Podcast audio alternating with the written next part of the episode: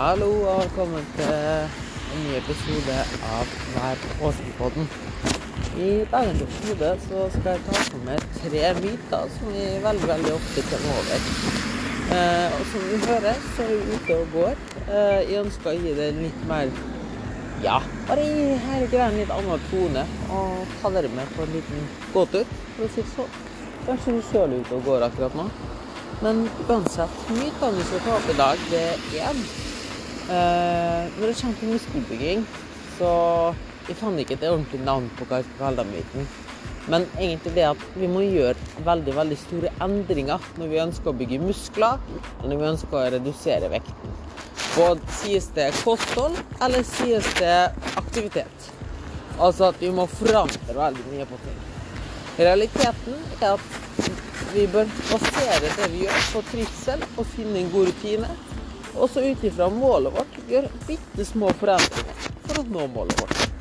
Um, det er den første myten. Den andre myten kommer til uh, Den andre myten kommer til mat rundt trening. Og myte nummer tre er, eller egentlig veldig konkret, om fettmasse kan bli gjort om til muskelmasse. Og man kan bygge muskler i et kaloriunderskudd. Jeg håper du liker episoden. Hvis du har spørsmål eller feedback, så setter jeg veldig stor pris på det. Og hvis du liker episoden, så kan du jo dele den også i din sosiale medieprofil. Um, slik i får litt ekstra publisitet. Og husk å gi en rating og review, eller gi et abonnement på podden der du hører. Og med det så ønsker jeg en god lytt.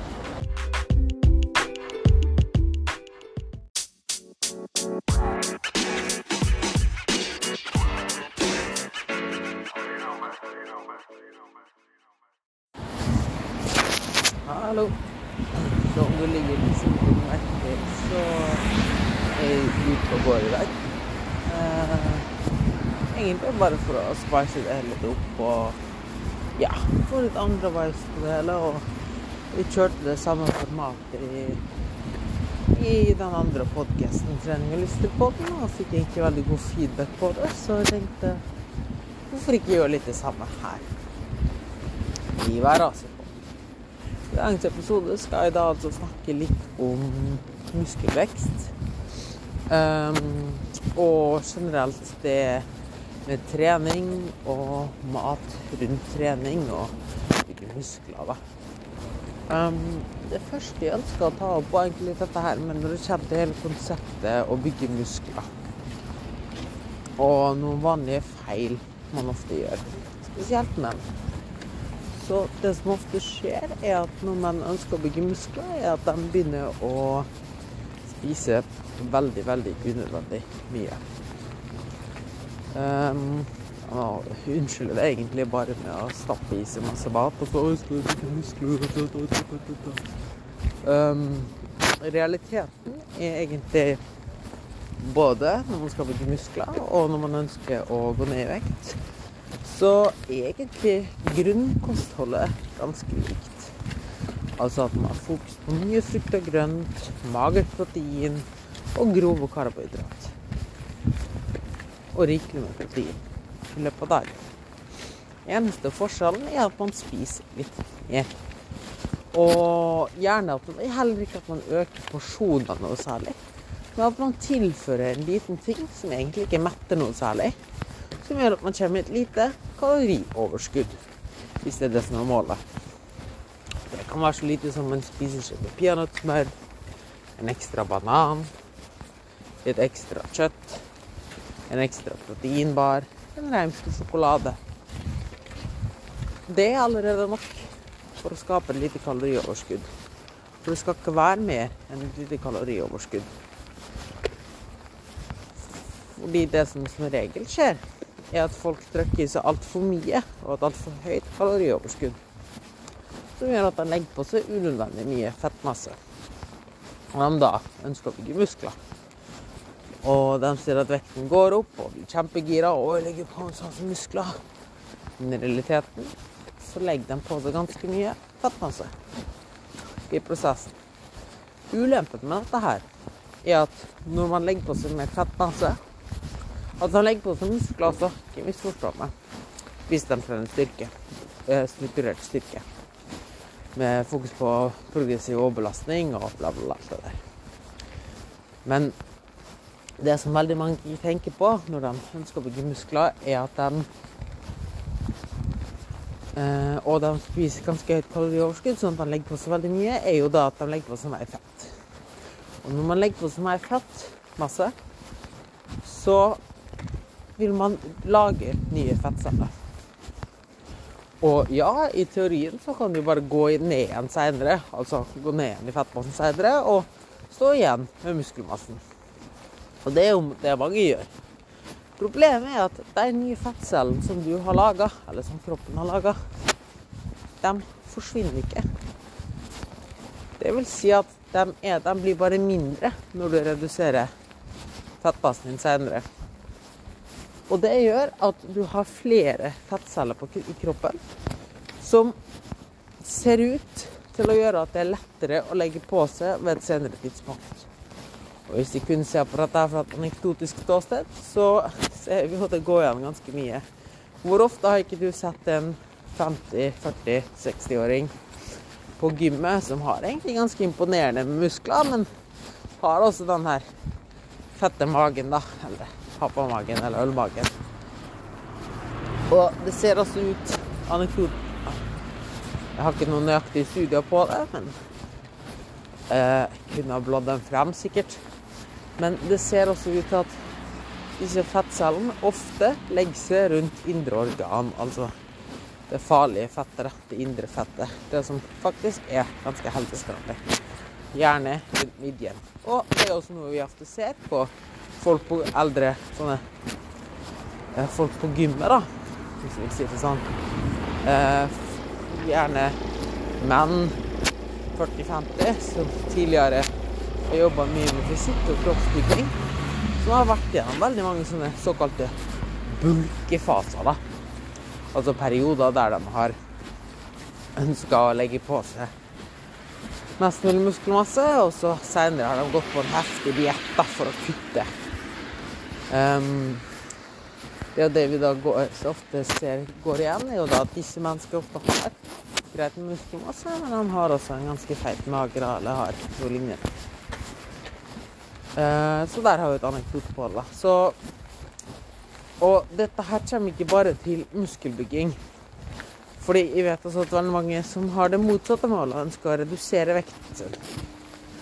Og grunn, hovedgrunnen til at jeg tar opp dette konseptet, er egentlig det at jeg ønsker at folk skal forstå, du som lytter, og kanskje noen andre du kan anbefale det til, og gi rådet videre, at grunnkostholdet ditt sies det om du ønsker å gå opp i vekt om du ønsker å gå ned i vekt, eller ønsker å holde vekten din, bør være ganske likt. Det er veldig små justeringer du må gjøre for å gå litt opp i vekt, gå ned i vekt, eller komme til et sted der du kan holde vekten din. Men det her folk flest skyter i foten, er at de gjør veldig store endringer. Og når de gjør disse store endringene, så fører de med seg nye uvaner. F.eks. den personen som ønsker å bygge muskler, og sier nå ja, du må spise litt kalorioverskudd. Uh, så vi kan trykke inn så mye pizza og fastfood som vi vil. Den person, personen legger mest sannsynligvis til seg en uvane og spiser mer fastfood. Og den uvanen blir være vanskelig å vende senere. Vonde vaner er vanskelig å vende. Til personen som ønsker å redusere vekten sin, som kanskje begynner å spise latterlig liten frokost eller lunsj, som da gjør at de ender opp med å overspise på kvelden. Legg kanskje til seg vanen om at de overspiser på kvelden. Eller at de er unødvendig strenge med seg sjøl i ukedagene, for også å fråtse i helgen. Og så har han lagt på seg vanen om å fråtse i helgen, og som da har blitt en ny vane. Eller i det tilfellet en uvane. Som blir veldig vanskelig å vende. Fordi vi mennesker er veldig fort gjort å ende opp med å tilegne oss nye uvaner, dessverre. En ting man absolutt ikke bør gjøre, det er at man bør endre på aktivitetsnivået sitt noe særlig. Det bør også være ganske likt. Fordi vi mennesker er glad i det som kalles homeostase, vedlikehold. Og en ting du kan gjøre for å holde en god og stabil vekt, er å ha et veldig jevnt aktivitetsnivå. Om det nå er 10 000 skritt, 8000 skritt, 12 000 skritt. Men jevnlig trening og et jevnt aktivitetsnivå. Dette her gjør at vi får en bedre appetittregulering, først og fremst. Altså at uh, det, det, er god sammenheng mellom hvor sulten vi er, og hvor mye kalorier vi forbrenner. Så matinntaket vårt står Det naturlige behovet vårt for mat står i stil med hvor mye vi bruker. Uh, så det er jo det første. Og det andre er jo alle helsegreier og sånn. Og det er faktisk ganske mange studier som viser såkalt eh, exercise resistance, da. Som egentlig betyr at du eh, Sjøl om du trener greit jevnlig, så ser det ut til at denne treningseffekten blir veldig, veldig redusert hvis du ellers ikke beveger deg i hverdagen. Det ser ut til at denne effekten begynner å komme hvis du beveger deg mindre enn ca. 8000 skritt hver dag. Det vil si at hvis du er flink til å trene fire-fem ganger i uka, eller tre eller to, um, så blir helseeffektene av den treninga veldig, veldig redusert. Hvis du ellers beveger deg veldig lite i hverdagen. Og det er jo litt trist. Det betyr ikke at helseeffektene forsvinner, men de blir veldig, veldig redusert. Så her vil jeg også slå et slag for hverdagen. Og punkt, eller feil nummer to, da, når det kommer til å bygge muskler. Eller folk som ønsker å bygge muskler. Og det er at de ofte slutter å bevege seg i hverdagen. Og rettferdiggjør det å sitte på ræva, for å si det enkelt og greit, med at ja, men det vil jo ikke muskler. Og det er også veldig dumt å gjøre. For den uvanen da, hun må bevege seg veldig lite, og lære seg den banen om å bevege seg mer igjen, det tar tid. Det er tungvint. Og ikke minst er det dårlig for helsa di. Så det var to punkt eh, generelt, egentlig. Det er for sunnhet, og ikke minst for Eller for å ha en sunn vektoppgang, da. En sunn måte å bygge muskler på. Er hold eller koste litt, bør være ganske likt, uansett hva du ønsker å gjøre. Og som regel så ikke overkomplisert. Ikke tenk så mye på måltidstiming, altså når du må spise. Um, hvor mye fett, karbohydrat, alt dette her, bla, bla. Det grove oversikten du bør ha, det er nei, um, kalorier. Totale kalorier i løpet av en dag, eller gjennomsnitt i løpet av en uke. Og to totalt proteininntak. Alt du har pisset du har hørt om anabolt vindu, at du må drikke rett etter måltid, nei, trening og slike ting, det er en ganske en myte som er overkomplisert ganske mye. Så lenge du får i nok protein i løpet av dagen, og det er sånn cirka høvelig greit på kaloriene etter ditt mål, så er det meg en bra nok. Resten er overkomplisering. Um, videre så kan du egentlig gå litt inn på dette her med mat rundt trening. Og det er både når det kommer til vektnedgang og oppgang og slike ting. Og så er det veldig mange som tenker at de må, må i store bokstaver, spise etter eller før trening. Og spør hva må jeg spise før trening, hva må jeg ta etter trening, hvor, hva, hva må jeg spise etter trening for å bygge muskler, og jeg må jo ha noe etter trening for å fylle opp, eller bla, bla, bla, alt dette. Det er én enkel og grei ting å si, og det er at hold det enkelt. For Ola og Kari Nordmann, som trener iblant jevnlig, helst, så er det mer enn nok å spise helt vanlig måltid noen timer før trening, og et helt vanlig måltid noen timer etter trening. Det å liksom fylle opp med rask energi før trening, eller fylle opp rett etter trening, det kan vi forbeholde folk som trener flere ganger per dag. Altså det å, det å optimalisere matinntaket, da, energiinntaket rundt trening, det er forbeholdt folk som tar trening veldig seriøst. idrettsutøvere som trener veldig flere ganger på dagen og avhengig av å restituere raskest, raskest mulig. Eh, eller hobbymosjonister, da, som virkelig tar det seriøst. De har fokus på å få i seg raske karbohydrater etter, eh, gode karbohydrater etter trening, raske karbohydrater før trening, rikelig med protein etter trening, etc., etc. Men for folk flest har det ingenting ingen betydning. For folk flest vil faktisk det å ha veldig mye fokus på mat, rask mat før og etter trening ofte skyte uh, uh, Jeg vil ofte skyte selv i foten med det. For de fleste sånne og slike ting, fra Yte og andre, inneholder for 200-300 kalorier per strikk. Det er mest sannsynligvis like mye som du får brant på selve treningen. I tillegg, hvis du tar en banan, så har du kanskje inntatt mer enn du får brant på selve treningen. Hvis målet er vektreduksjon, så har du skjøtet det ganske greit i foten. Spesielt hvis du også spiser noe for å få rask energi før trening. Fordi det er faktisk slik at treninga forbrenner for en vanlig treningsøkt for Ola Kari forbrenner ikke noe særlig mer enn 300-400 kalorier. Mer enn det så er du i veldig god form eller har en veldig lang treningsøkt. Og hvis du da spiser muslibar eller noe sånt før trening, og en restitusjonsshake og banan etter trening, eller en proteinshake etter trening Ja, fordi protein og proteinshaker er også bare mat. Så har du mest sannsynligvis inntatt flere kalorier enn du får blant på treninga. Og så kommer jo sannsynligvis middagen. Og kanskje et ekstra kveldskos, fordi du har jo trent, så da kan du spise litt mer kommer da i tillegg. Så nesten sannsynligvis ender det opp med å innta god del mer kalorier enn nødvendig. Uh, hele konseptet med mat rundt trening og drikke intra uh, ja, ikke minst inn i treninga, såkalt intratrening, og fylle opp med elektrolytter og bla, bla, bla. Det er noe som er relevant for toppidrettsutøvere, men som markeds... eller industrien har pusha over på Ola Kari Nordmann for å tjene mest mulig penger. For slike ting er jævla dyrt. Så ikke overkompliser det, er du snill. Takk. Det var den. Den siste og tredje myten jeg ønsker å ta opp. Eller vi kan også si det til slutt om god mattrening.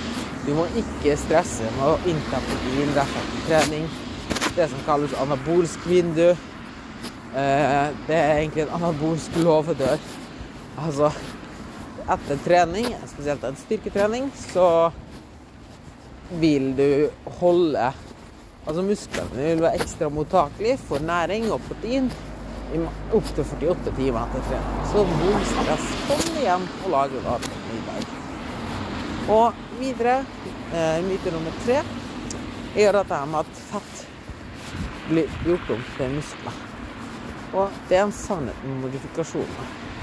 Det som egentlig er, er at hvis du f.eks. spiser et kaloriunderskudd, så vil maten Eller så vil energien kroppen din trenger for å leve, bli brukt på å uh, Nei, beklager. Energien du trenger for å leve, vil bli henta av dine fettlager, mens energien musklene dine trenger for å bli bygd, vil bli henta fra eh, maten du spiser. Altså bygge, nye byggeklosser blir henta fra maten du spiser.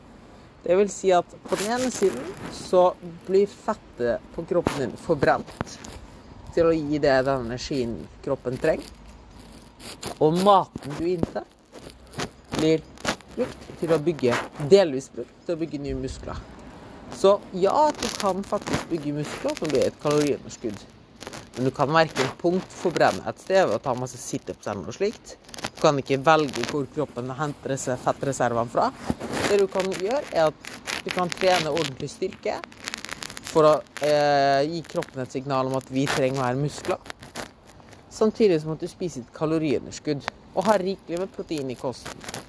For da vil kroppen se shit, den maten inntar, den må bli brukt på å bygge muskler, for de trenger mer muskler hva gjør vi da? Hvis maten i spist for å bygge muskler? litt av den. Hvor får de energien fra for å leve? Jo, den kan jeg hente fra fettlagrene. Så nei, fettmassen blir ikke gjort opp i muskelmasse, men du bruker energi fra fettmasse på kroppen til å dekke kroppens energibehov, og maten du inntar, blir brukt på å bygge muskler. Så that's it. Det var tre enkle og greie myter, litt oppklart, og enkle spørsmål. Det var litt rotete, det var litt støy, men jeg håper det var ikke for mye støy. Og kanskje du syns det nesten var litt koselig å gjøre det på denne måten. Og jeg håper du fikk noe igjen for det.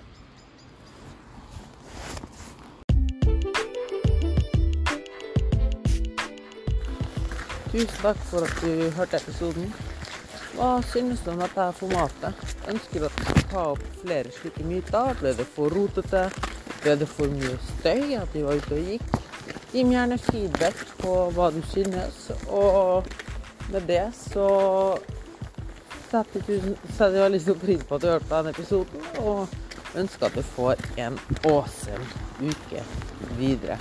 Husk også gjerne å abonnere på podden der du hører en del i sosiale medier og alt dette her. Så med det så sier de bare vær awesome og tudelu!